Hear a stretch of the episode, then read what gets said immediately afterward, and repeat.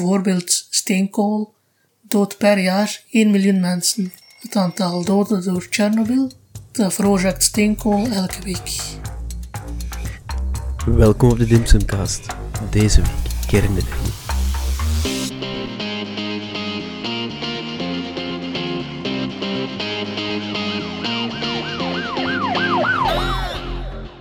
Welkom, Thomas Rotier, filosoof van opleiding, nu voornamelijk met kernenergie bezig, een van de founding fathers van het ecomodernisme. Hoe is het? Goed, goed. Ja, ik, ik voel me wel goed, eh, ondanks het feit dat er eh, nog altijd wel een pandemie is. Maar ja, ik voel me wel eh, oké. Heb je daar veel last van? Ik persoonlijk niet zo heel veel. Ik mis wel afspreken met vrienden wel. Dus dat zal bij iedereen wel zo zijn, vermoed ik. Maar tegelijkertijd is het ook wel een gelegenheid om heel veel te lezen en heel veel bij te leren over de energietransitie, wat eigenlijk ook wel mijn passie is. Dus, dus als je niet te veel sociale verplichtingen hebt, dan, ja, dan is dat ook wel gemakkelijker om je daarin te storten. Want het is wel waar, hè, filosofen die de, de overstap maken naar kernenergie. Hoe komt dat eigenlijk dat je van een klassieke groene jongen naar kernenergie begint te kijken? Ja, ik, ik, ik ben in Gent op kot geweest en dan heb ik ook altijd uh, op kot gezeten met mijn broer en mijn zus en die waren wel vrij milieubewust en zo. Maar ook al was ik wel bezorgd om het milieu, zo de groene levensstijl, dat, dat lag me toch niet zo helemaal. Maar het, het klimaatthema bijvoorbeeld heeft mij ook wel altijd bezig gehouden. Zoals ook uh, Naomi Klein, haar boek heeft mij geïnspireerd toen. Hè. En welke dus, boodschap was daar zo wat belangrijk? Dat was heel hard tegen de fossiele industrie. Dat de fossiele industrie eigenlijk moest neergehaald worden. Dus die moest boeten voor al die vervuiling die ze veroorzaakten. En voor de klimaatontkenning die ze verspreiden en zo.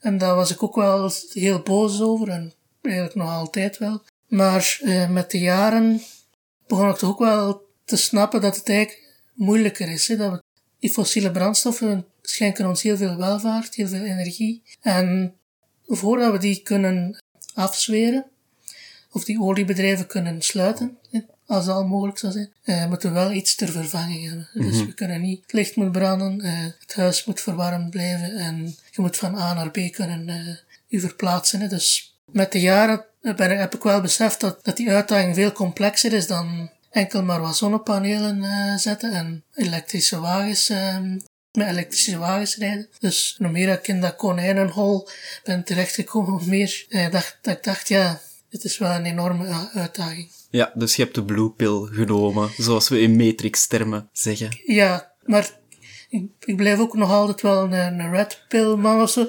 Uh, dit, voor mij is niks zwart-wit uh, uiteindelijk. Ja, want vandaag kernenergie staat, is, is hotter dan ooit. Hoe kan kernenergie de oplossing zijn? Wel, de kernenergie is koolstofarme bronnen, dus mm stoot heel weinig uit. Ongeveer uh, evenveel als windmolens. En bestaande kerncentrales nog, nog minder. Dus, uh... En hoe zit dat? Ik bedoelde, koolstofarm is dat momenteel? Want vroeger werd kernenergie als grijze energie gezien, dus wel milieubelastend, maar vandaag de dag is dat niet meer dan. Wel, als we puur naar die klimaatimpact kijken, dan um, in, in een kerncentraal worden geen fossiele brandstoffen verbrand. Er komt geen CO2 vrij. Hè. Dus die kooltorens, dat is alleen maar waterdamp. Hè. Dus ja. Ik heb ooit een enquête gezien dat, dat mensen dachten dat dat ook CO2 was. Dat uit die kooltorens kwam, maar dat is dus niet zo. Uh -huh. de, de, enige CO2 die vrijkomt is door het uh, delven van het uranium, door het staal en het beton om die kerncentrale te bouwen. En dan ook nog de verwerking van het kernafval. Hè. Uh -huh. En dus dan komen we tot het punt van die grijze energie. Ja. Dat is omwille van het kernafval. Ja, dat is heel toxisch afval, daar moeten we niet flauw over doen, mm dat is giftig. Maar het is wel het beste beheerde afval dat er is. Bedoelde? Dus er wordt eigenlijk alles aan gedaan om dat kernafval af te schermen van de omgeving en mhm. van mensen uiteindelijk. Hè. Dus dat, dat niemand dat er in de buurt van komt, of, of je laat staan dat het zou opeten of zo, of dat het in, in de bodem zou terechtkomen. Dat... Hoe, hoe, gebeurt dat vandaag de dag in, in, in Vlaanderen? Of in België? Laten we het over België hebben, want we zijn nog altijd heel land. Het ja, kernop, dus... kernafvalopslag. De eerste fase van de verwerking is eigenlijk altijd de tijdelijke opslag en die gebeurt bovengronds. Mhm. Waarom is dat bovengronds? Omdat het kernafval moet afkoelen. Dus Er zit heel veel warmte in en er zit eigenlijk nog heel veel energie in. En dus dat moet eerst afkoelen voordat dat eigenlijk definitief geborgen kan worden. Wat dan men eerst doet, is die, die gebruikte brandstofstaven uit de kernreactor, dus het uranium, en allerlei andere eh, splijtingsproducten, zoals ze zeggen. Die dompelt men onder water, een soort zwembad. En dat water houdt de eh, straling tegen. Dat is de tijdelijke opslag en dan koelt het afval af. Verliest ook al een beetje van zijn radioactiviteit ondertussen. Want dat is met halfwaarde dat dat telkens werkt. Of is dat enkel over de tijd dat gaat? Dus het, het- inderdaad, het, het concept van de halfwaardetijd is heel belangrijk. Dat wil zeggen dat het is eigenlijk vrij eenvoudig. Dus na een bepaalde periode zal de radioactiviteit van een stof gehalveerd zijn. Hè? Ja. En bij bijvoorbeeld bij kortlevend afval is dat bijvoorbeeld 30 jaar. Dus Bij medische toepassingen is dat dan. Bijvoorbeeld medisch afval is kortlevend en ook eh, laag actief afval. Dus het, het straalt ook niet zoveel, eh, het geeft ook niet zoveel straling uit. Dus ehm, dan heb je nog middelactief afval. Dat zijn de gebruikte onderdelen van een kerncentrale. Filters, kleppen, eh, buizen enzovoort. En dan heb je het hoogactief afval en dat is, de, dat is het bekendste afval. Ja. En dat is ook eh, dat is dus de gebruikte brandstofstaven, uranium uit de kernreactor en allerlei andere radioactieve stoffen. Maar dat is ook het kleinste volume. Wat het grote voordeel aan kernafval is dat het eigenlijk heel klein is qua volume, dat het een vast afval is, het is geen gasvormig, het kan niet in de atmosfeer on- ontsnappen. Dus het is gewoon heel beheersbaar. Op een bepaald punt kun je zeggen van, opsla het kernafval hier op en dat gaat daar ook blijven. Ja, dus je moet ook altijd de, ver- de vergelijking maken met ander afval. Dus bijvoorbeeld eh, chemisch afval zoals kwik, arsen of cyaniden en zo. Dat zijn allemaal chemische stoffen die de industrie gebruikt. Of die soms ook vrijkomen door eh, de verbranding van fossiele brandstof. Die blijven eeuwig, die blijven eeuwig giftig. Die hebben dus geen halfwaarde. Dus die moet je eigenlijk voor eeuwig afschermen van de omgeving. En ja, het grappige is natuurlijk dat mensen ten eerste dat niet weten dat dat ook gebeurt. Dus dat kwik ondergronds wordt opgeslagen. En met veel minder strenge normen. En als ze het dan al weten, ja, dan gaan ze ook niet zo fel tegen protesteren of zo. Dus, terwijl tegen, als we dan uiteindelijk het hoog radioactief afval onder de grond zullen steken, wat dus de bedoeling is, hè, Want we hebben het eigenlijk nog niet gehad over hoe belangrijk dat kernenergie, hoe ziet die energiemix er vandaag in België uit? Wel, dus als we het over elektriciteit hebben, en dus er is een vers- verschil tussen energie en elektriciteit. Energie gaat over van alles, gaat over transport ook, hè, dus hoe we bij onze auto's rijden en zo. Verwarming, gaat ook over industriële processen. En dan heb je elektriciteit. En elektriciteit is eigenlijk een vijfde van die energietaart. Binnen elektriciteit hebben we kernenergie als een dominante energiebron in België. Dus dan spreek ik over 40 à 50 procent. Dus en de rest is dan aardgas, waterkracht, biomassa, zon en wind.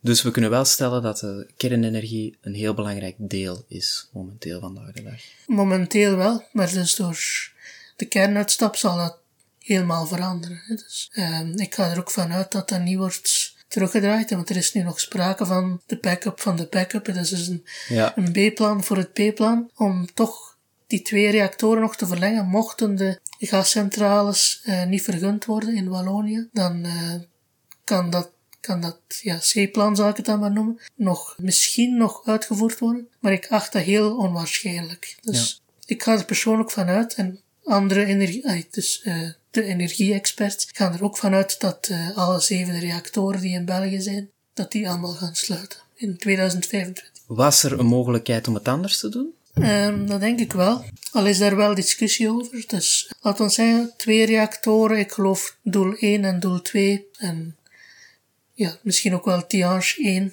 Dat was sowieso, er is bijna iedereen het over eens dat die niet eh, verlengd kunnen worden, omdat dat economisch niet rendabel is en technisch moeilijk enzovoort. En dan is er discussie over de zogenaamde scheurtjesreactoren. Ja. Dat zijn reactoren waarin dat in het reactorvat waterstofinsluitsels zijn, dus kleine waterstofbolletjes, en zo begrijp ik het ook. Die zijn heel veel in het nieuws geweest. Ja, en dan heeft men dat heel uitvoerig uit- onderzocht of dat, dat een veiligheidsrisico is.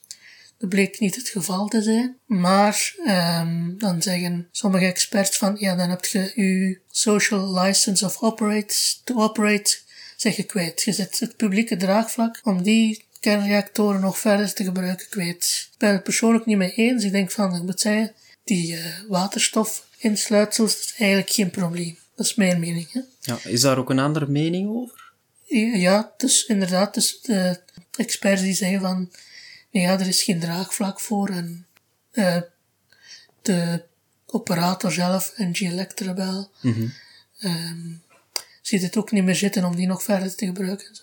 Enkel omdat het sociale draagvlak er niet meer is. Ja, en misschien, we kunnen altijd zeggen, ja, je weet toch maar nooit of het toch niet gevaarlijk is in de toekomst. Hè. De befaamde preventieparadox. Voilà, ja, dus, of het, het voorzorgsprincipe. Dus, oké, dat is een technische kwestie, daar, daar ben ik zelf niet volledig in thuis. En dan, je hebt dus nog de laatste twee reactoren, dat zijn de jongste. Ik geloof dat dat dan eh Tool 4 is en Tihange 3. Waar dat het nu het debat over gaande is. Ik denk dat Boucher het zei. We laten die reactoren open blijven. Ja, dus daar denk ik, er is technisch geen enkel probleem. Ehm, dan is het alleen maar het eh, tijdschema probleem. Dus van, er moet dan een milieueffectenrapport zijn en een publieke bevraging van een, in een omtrek van duizend kilometer, denk ik. Oké. Dus ook in alle andere landen moeten dan ook NG Electrabel een enquête doen van, hebben jullie bezwaren tegen die verlenging van die reactoren, hè, aan de burgers? En eh, ook nog technische updates doen en zo. De brandstof moet dan ook nog besteld worden. En voor na 2025. Dus dat is een trage molen die je, moet, die je goed moet voorbereiden. Dus de CEO van Electrabel heeft gezegd van eh, een gascentrale bouwen, dat is de 100 meter sprint. Mhm, Klopt. Ja. En eh, de kerncentrales verlengen, dat is de... Ik weet niet, is dat 400 meter? 400 meter steepen, zoiets. Ja, Niet de marathon. ja of, of de 5000 meter of zo. Hè. Ja, dus, eh, ja. dat, dat is veel omslachtiger en veel... Dat moet je goed voorbereiden. En doordat politiek zoveel tijd heeft verloren, ja, zijn we nu op minder dan drie jaar tijd van de deadline. En eh, is er eigenlijk te weinig tijd. En ook, dan is er ook nog een ander eh, probleem. Dus Tine van der Straten heeft een mechanisme goedgekeurd gekregen van de Europese Unie, waarbij dat ze de gascentrales eh, kan subsidiëren hè, voor, voor de capaciteit die ze leveren. Als de kerncentrales dus alsnog verlengd worden, dan is eigenlijk die subsidie niet meer nodig, want dan gaan een deel van die twee reactoren de, een deel van die capaciteit dus wel kunnen opvangen en is er minder vervangcapaciteit nodig. Dan is er ook nog een hele eh, juridische staartje aan, want NG Electrabel heeft eh, subsidies gekregen daarvoor. Voor die gascentrales, hè? Ja. Ja. Want in dit geval, waar dat je, het scenario dat je nu aan het vertellen bent, is de kerncentrales sluiten sowieso. Dus we moeten naar vervanging op zoek. En dat zijn die gascentrales, dat vandaag de dag gebouwd zouden moeten worden. Ja, en die dan het voordeel hebben dat ze flexibel zijn. Dus ze kunnen eigenlijk goed dansen, zal ik maar zeggen, met zon- en windenergie. Dus als de zon en de wind op een, eh, een paar dagen in november minder zijn, dan kunnen die gascentrales hoger schakelen, meer, meer produceren, meer energie produceren. Als er juist heel veel zon en wind is, dan kunnen die eh, op een lager pitje schakelen. Dus dat is een beetje zoals de geluidsknop. Hè. Dus het is makkelijker aan en af te zetten of, of te fine-tunen. Want hoe dat je het nu vertelt tegen mij, Thomas, is het voornamelijk dat kernenergie nu een theoretische oefening blijkt. Ondertussen wel, ja. Dus toch de bestaande kerncentrales die zullen sluiten, daar heb ik mij bij neergelegd. Misschien Georges-Louis Boucher nog niet. Die legt zich Die niet zo rap eh, neer. Zit misschien in een lichte ontkenningsfase. Ja. Ja, of, oftewel is het voor politieke profilering, dat kan ook. Het is ook, het is ook wel helaas, moet ik zeggen, een politiek spel geworden. Hè? Dus Ja. Hou mezelf daar zoveel mogelijk buiten. Eh, waar, waar ik me vooral mee bezighoud is van, moet ik zeggen, de ideologische bezwaren tegen kernenergie zijn die, zijn die terecht. Ja. Maar voor België, voor de Belgische situatie, ja, is het debat zonder voorwerp geworden. Uh, want we kijken ook naar het buitenland. In Frankrijk hebben ze een nieuwe kerncentrale gebouwd of zijn ze aan het bouwen. Nederland heeft die plannen ook. Hoe zit dat daar? Waarom is dat daar wel gelukt?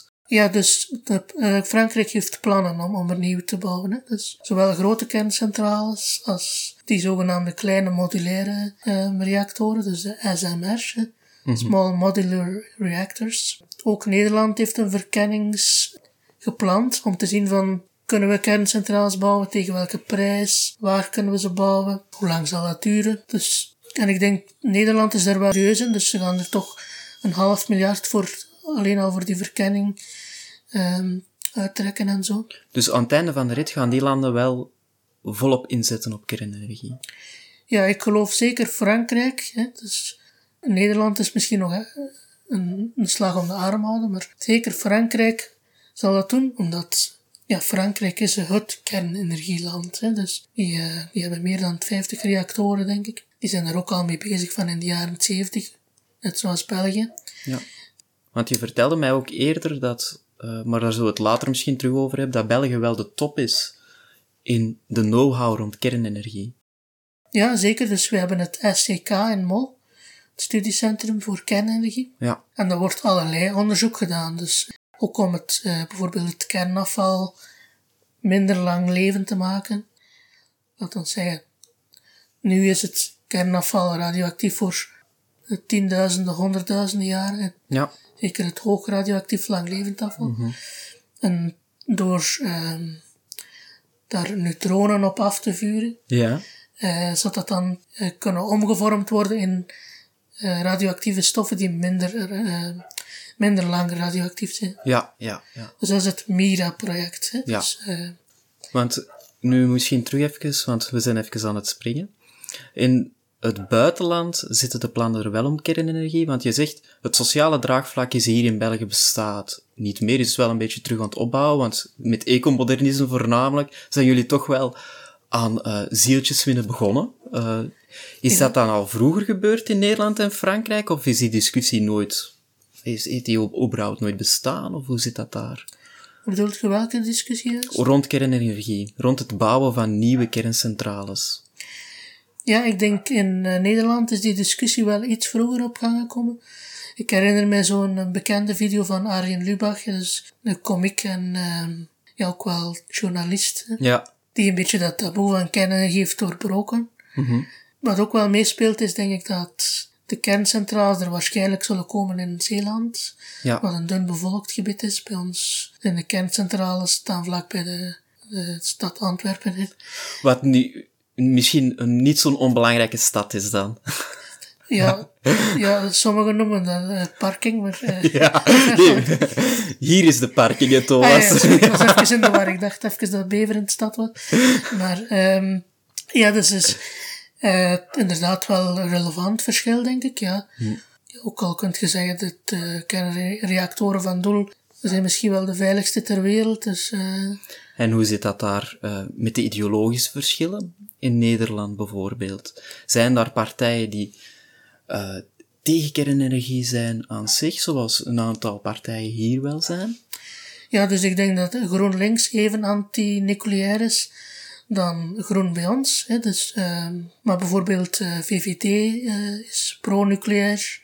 D66 is zo wat, ja, twijfelend. En CDA is dan nu ook wel pro geworden. Ik denk dat, de- dat daar wel het debat gewoon vroeger is gebeurd. Ja, Ehm, en in het algemeen denk ik ook gewoon dat de Belgische politiek veel te weinig lange termijnvisie heeft. Het is altijd zo op het nipperke. Als, het, als de, de nood heel hoog is, dan, dan hakken we de knoop door. Misschien, hè. ja, Dan kan het nog misschien nog wel een paar weken of maanden duren. Maar er is geen visie. En voor een deel komt dat ook wel doordat partijen zoals Open VLD, CD&V toch ook wel meegegaan zijn in het anti-nucleaire verhaal. eh, samen met Groen. Nu de kerncentrales sluiten, is er een mogelijkheid om, om nieuwe kerncentrales te bouwen? Of is dat geen optie gewoon? Ik denk, ik denk dat alles een optie is, hè, want we, we zitten in een klimaatcrisis. Dus elke koolstofarme energiebron die we kunnen gebruiken, die, die, zouden, we, die zouden we minstens moeten overwegen. Hè? Dus het, het grote probleem met nieuwe kernenergie is de, de kostprijs van de grote kerncentrales. Ja, ja. Waarom is dat zo? Omdat dat eigenlijk grote bouwprojecten zijn, die heel complex zijn.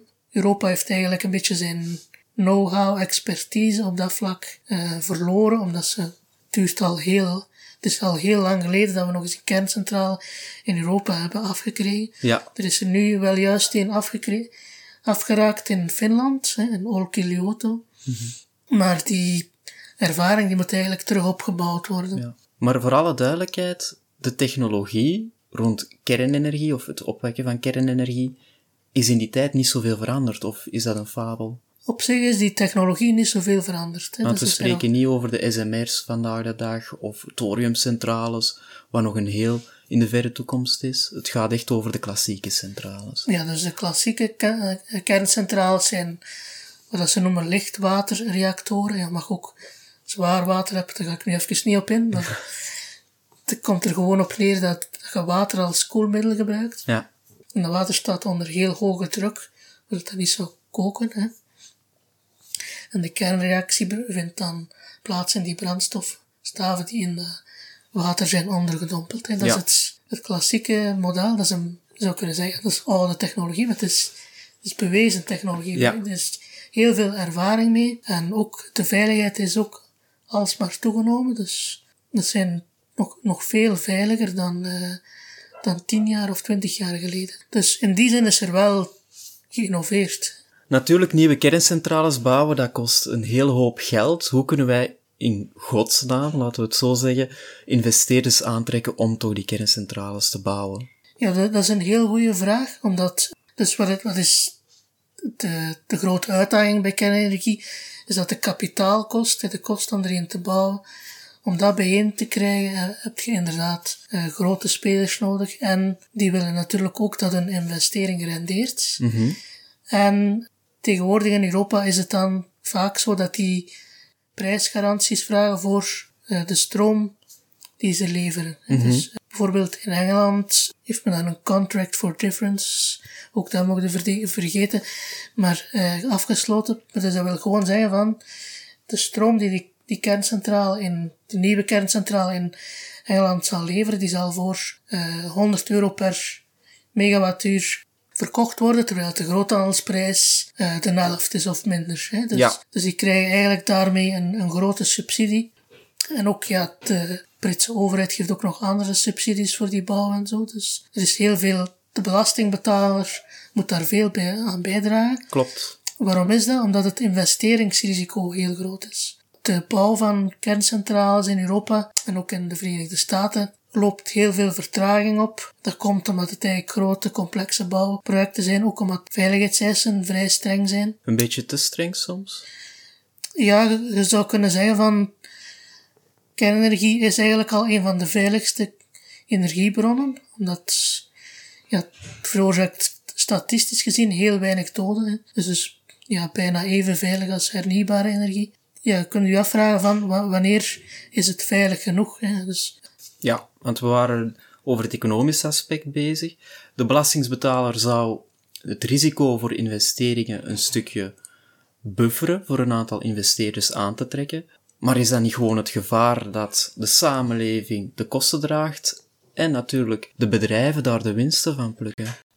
dat is een, dat is een gevaar, want kernenergie, eenmaal als de kerncentrale gebouwd is en die levert volop stroom, dat, dat, dat maakt die energie, dat maakt dat energiebedrijf enorm veel winst. Hè? Als een goede wappie heb ik op eh, YouTube gekeken en na 16 jaar maakt een kerncentrale echt wel heel veel winst. Ja. Heb ik gezien. Je kan dat oplossen door een nucleaire rente ehm, te heffen. Dus dat het, eh, de winst wordt afgeroomd. Dat is ook in België gebeurd.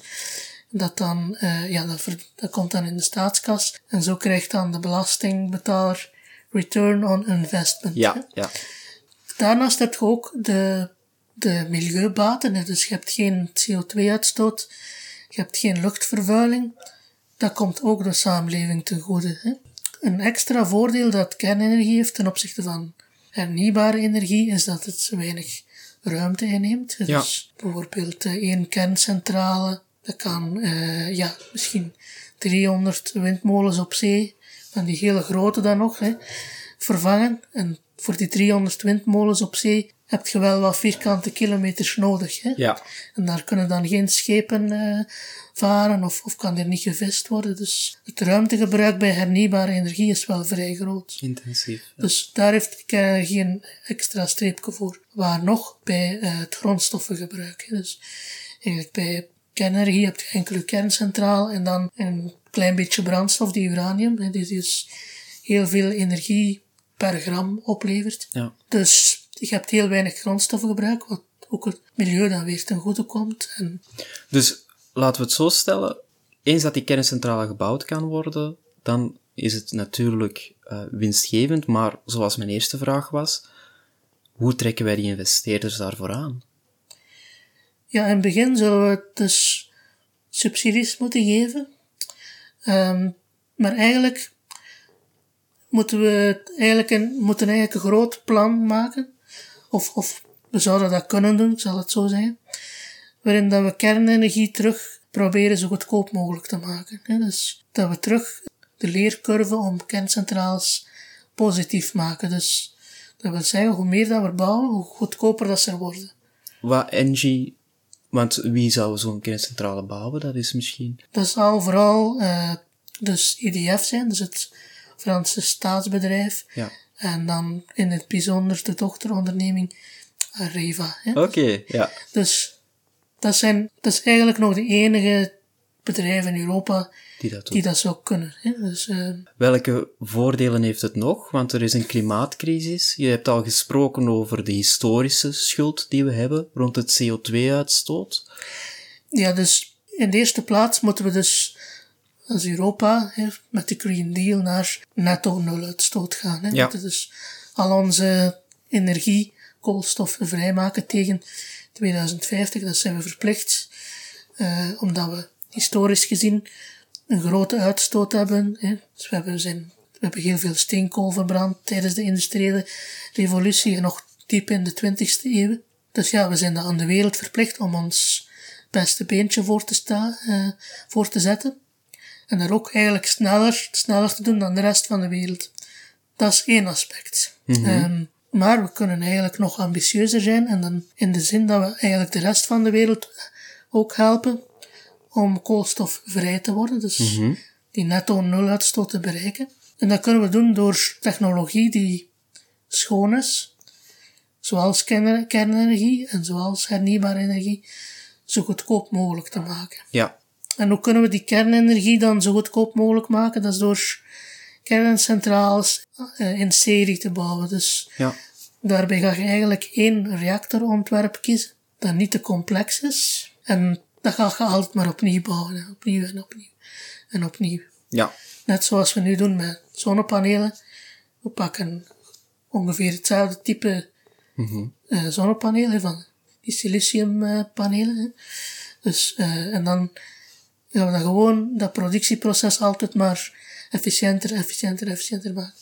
En dan maakt dat die meerkost die we in de eerste instantie hebben, dat die lager komt te liggen, omdat we het gewend zijn van kerncentrales te bouwen.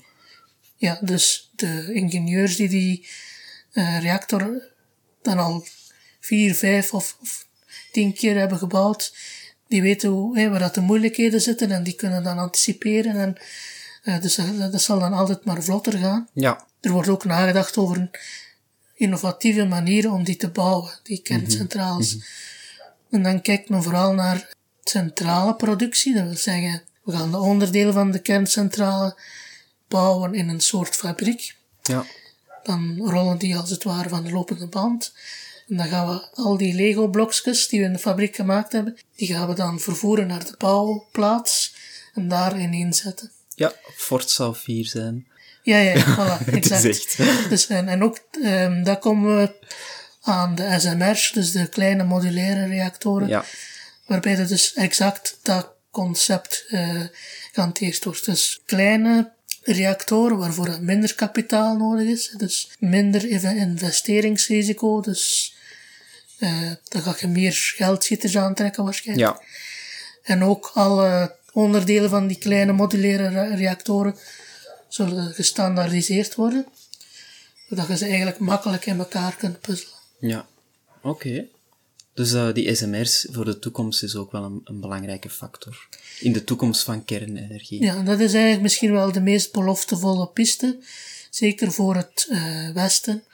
Omdat wij in een libe- geliberaliseerde energiemarkt eh, zitten. En dus, we zijn al een heel eind op weg om die hernieuwbare energie uit te bouwen. Hè. Een belangrijke voorwaarde is wel dat kernenergie goed kan dansen, zoals ik al zei. Ja, Met die hernieuwbare energie. Dus wat van vandaag de dag niet het geval is. Hè. ja, de, de, als kernener- kernenergie flexibeler kan worden. Kernenergie kan in principe flexibel zijn, maar dan wordt het wel minder rendabel. Hè. Dus kerncentrale die, die ehm, altijd vol een bak draait, zal ik maar zeggen. hè. Dus 90% van zijn maximum vermogen, die, eh daar verdient de uitbater het meeste geld mee. Ja, Dus, ehm, oké. dus dat is vooral de economische reden dat eh, kerncentrales eigenlijk op dit moment niet flexibel kunnen zijn. Ja. Na deze podcast, Tine van der Straten geeft u een telefoontje. Welke adviezen gaat hij haar geven?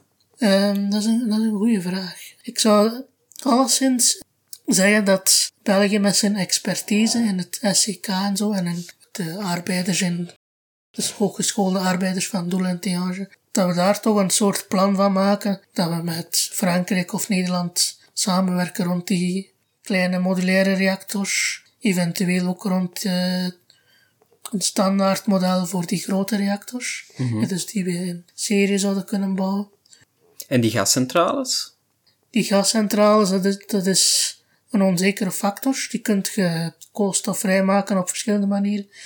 Dus ehm ik denk dat men vooral kijkt naar biogas. Dus dat wil zeggen, eh we gaan biomassa, eh GFT-afval, houtafval, nog allerlei ander organisch afval vergisten. We maken, maar goed, ja, Eh, Zit dat eigenlijk in de plannen van de huidige generatie gascentrales dat ze gaan bouwen? Zit dat erin vervat? ja het, die voorwaarden zitten erin vervat. Ja, die zit erin vervat. Oké, dus die gascentrales gaan uiteindelijk hernieuwbare energie kunnen opwekken. Zonder CO2-armen, zullen we in ieder geval zeggen. Ja, tenzij dat het natuurlijk heel technisch moeilijk wordt of niet rendabel. Hè, dus. En dan is ook nog de vraag van wanneer. Hè. Is dat in 2035 of 2040 of nog later? En ondertussen stoot hij wel CO2 uit. En stapelt die CO2 zich wel op in de atmosfeer. Hè. Dus, Ja. Thomas, je bent een deel van het ecomodernisme. Wie Ja. ook een deel is van het ecomodernisme, is eh, Maarten Boudry. Zeker. Maarten Boudry zei laatst dat eh, Greenpeace eh, momenteel de, de klimaatbeweging meer schade toebrengt dan de, de grote oliebedrijven. Kan je je daarin vinden in die uitspraak, of hoe moet ik dat plaatsen? Ja, eh, hij verwijst natuurlijk naar de olieindustrie, die dus jarenlang klimaatontkenning heeft gesponsord. En ook de ontwikkeling van goed klimaatbeleid en hernieuwbare energie heeft vertraagd en zo. Dat is het. Ik denk dat, dat we daar iedereen het over eens is dat dat zeer immoreel en schandalig is. Hè, dat dat ook wel ja, zware gevolgen heeft gehad. Ehm, dus hij zegt dat momenteel de groene beweging met haar we- weerstand tegen kernenergie de klimaatzaak meer schaadt dan de oliebedrijven. Ik, ik kan niet zo goed zeggen van wie schaadt die klimaatzaak meer. Is moeilijk om dat te meten. Hè. Ik, ik denk dat Greenpeace en de groen, en ja, Greenpeace dus met een anti-nucleaire houding doorheen de decennia, want het is eigenlijk al sinds de jaren 70 of 80 eh, aan de gang zeker schade heeft berokkend, omdat ze ook in, eh, samen met andere milieuorganisaties er zeker heeft voor gezorgd dat de publieke weerstand tegen kernenergie eh, groter was. Hè? En, dus, en daarmee ook geplande kerncentrales heeft verhinderd, onder andere in de Verenigde Staten en in, in Europa. Ja. Dus je kan je eigenlijk, als ik het goed begrijp, hoe dat Maarten Boudry heeft het wel wat strak gesteld, maar het is wel zo dat Greenpeace en milieuorganisaties door het anti-nucleaire gedachtegoed de boel hebben vertraagd dan. Ja, alleen zou ik daar wel als nuance willen aan toevoegen dat kernindustrie ook een strategische fout heeft gemaakt, denk ik. Door dus te kiezen voor die grote, grootschalige kerncentrales, ja, achteraf is het natuurlijk altijd gemakkelijk, maar de opmars van hernieuwbare energie is heel snel gegaan. Zonne-energie is de voorbije tien jaar tien keer zo goedkoop geworden. Windenergie ook eh, 70% goedkoper, denk ik. Dus ehm ja, dat had waarschijnlijk niemand verwacht. Ja. Dus eh, kern, de kernindustrie had gedacht van, ja, die grote kerncentrales, dat, dat verdienmodel, dat zit nog wel goed. Ja. Maar dan hebben we natuurlijk ook tegenslag gehad door die eh, rampen in Tsjernobyl en Fukushima, waardoor het, de angst voor kernenergie is aangewakkerd. Dus dat heeft ook allemaal meegespeeld. Hè. Er zijn dus wel veel factoren die verklaren waarom dat kernenergie in Europa dan en in de VS gestagneerd is. Maar het is wel zeker zo dat eh, Greenpeace of Friends of the Earth of andere milieuorganisaties hun energie veel beter hadden kunnen inzetten voor eh, nuttiger zaken. Ja, oké. Thomas, wat mij ook wel zorgen baart in heel dat kernenergiedebat, er zijn wel al rampen gebeurd. Je hebt Tsjernobyl, je hebt Fukushima. Ik ben daar niet echt zo happig op dat dat hier vandaag de dag in België gaat gebeuren. Ik denk dat, ni- dat niemand daar happig op is. Tenzij misschien eh, ja, rare mensen die van België een, een groot natuurgebied willen maken, waar geen mensen niet meer, niet meer wonen. Maar ja, de ramp in Tsjernobyl en ook in Fukushima was, was vreselijk. Hè? Dus, eh, er zijn heel veel mensen bij omgekomen bij Tsjernobyl. er, er is een exclusiezone moeten gecreëerd worden. Dus, ja, dus een, eh, de perimeter van 30 kilometer rond die kerncentraal waar niemand nog mag wonen. Men heeft ook ja, heel dat gebied moeten schoonmaken en zo met de beruchte liquidators, hè, dus de honderdduizenden opruimingswerkers. Ja. Maar ook al is Tsjernobyl zeker een, een, een enorme ramp geweest, denk ik wel dat we de juiste conclusies eruit moeten trekken. Dus, dus wat, is er eigenlijk misgelopen in Tsjernobyl? Dus er is een, een gevaarlijke test gebeurd. Hè? Dus de operatoren, de, de, de waren, dus de nachtploeg was actief. Die waren wel onderbemand, die hadden minder ervaring.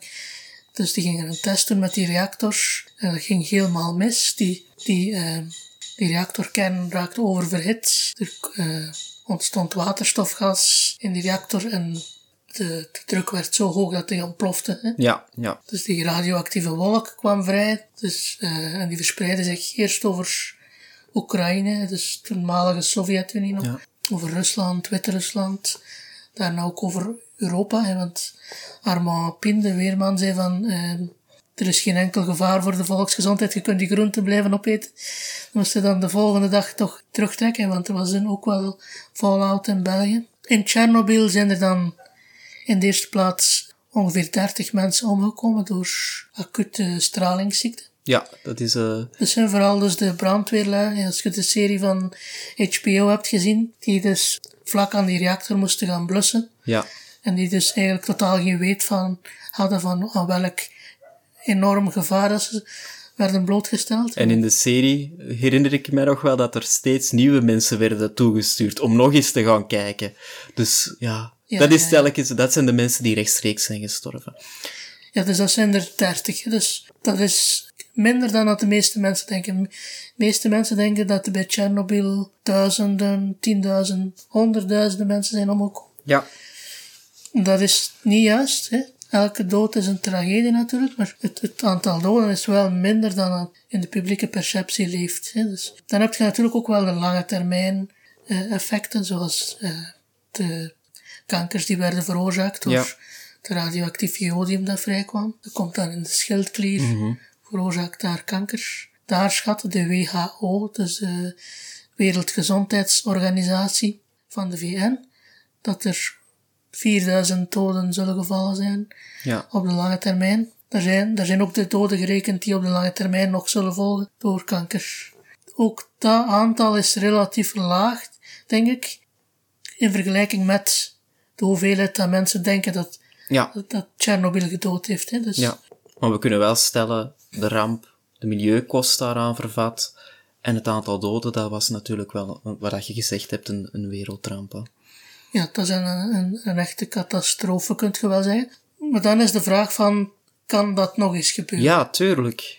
Ja, volgens mijn kennis, ik ben geen nucleaire fysicus, maar volgens, volgens wat ik erover gelezen heb, is die kans heel erg klein. Omdat ten eerste die, eh, dat reactorontwerp niet in de rest van de wereld gebruikt, enkel in Rusland. Ja. En ook het aantal reactor van het Chernobyl-type, zal ik zeggen, dus RMBK, mocht ook gerust vergeten. Dat, wordt, dat wordt dus enkel in Rusland gebruikt. Dat was een slecht ontwerp. Hè. Dat is ook de reden waarom dat het, een van de redenen waarom dat het mis is gegaan. Ten tweede, de afhandeling van die ramp door de Sovjet-overheid was, ja, exact hoe dat het niet moet. Hè. Dus de, de boel toedekken en erover zwijgen. Ja.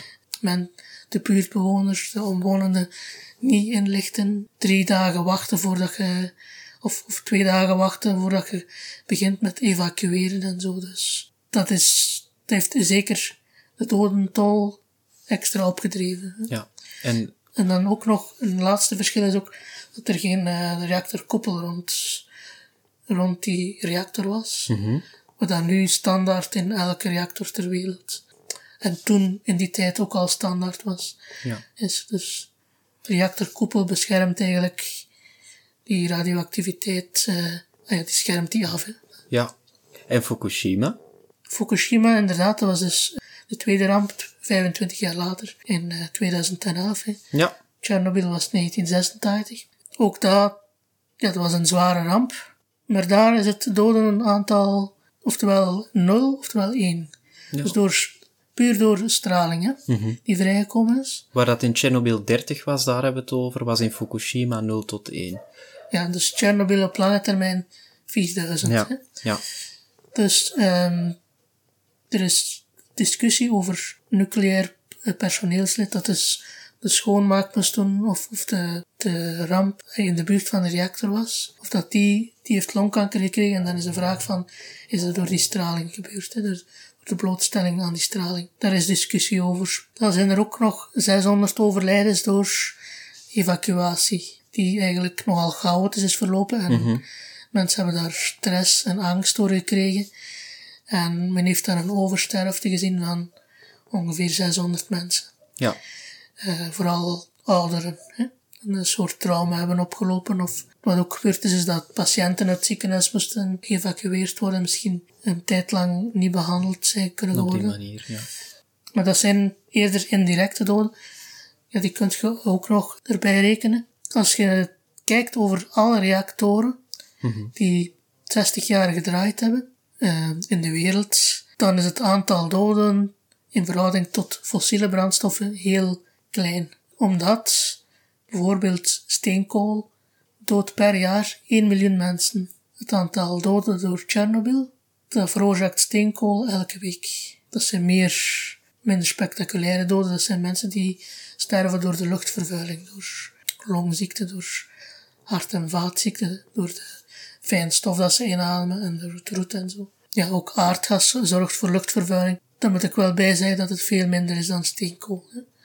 Dus Dat veroorzaakt veel minder doden, maar toch nog altijd per geproduceerde energie is aardgas wel dodelijker dan kernenergie, door die luchtvervuiling. Dus in feite kun je wel zeggen van kernenergie is een van de veiligste energiebronnen. Als je naar de stati- statistieken kijkt. Ja. Thomas, we hebben het vandaag over, eh, voornamelijk over kernenergie, maar er zijn nog andere topics waar je mee bezig bent.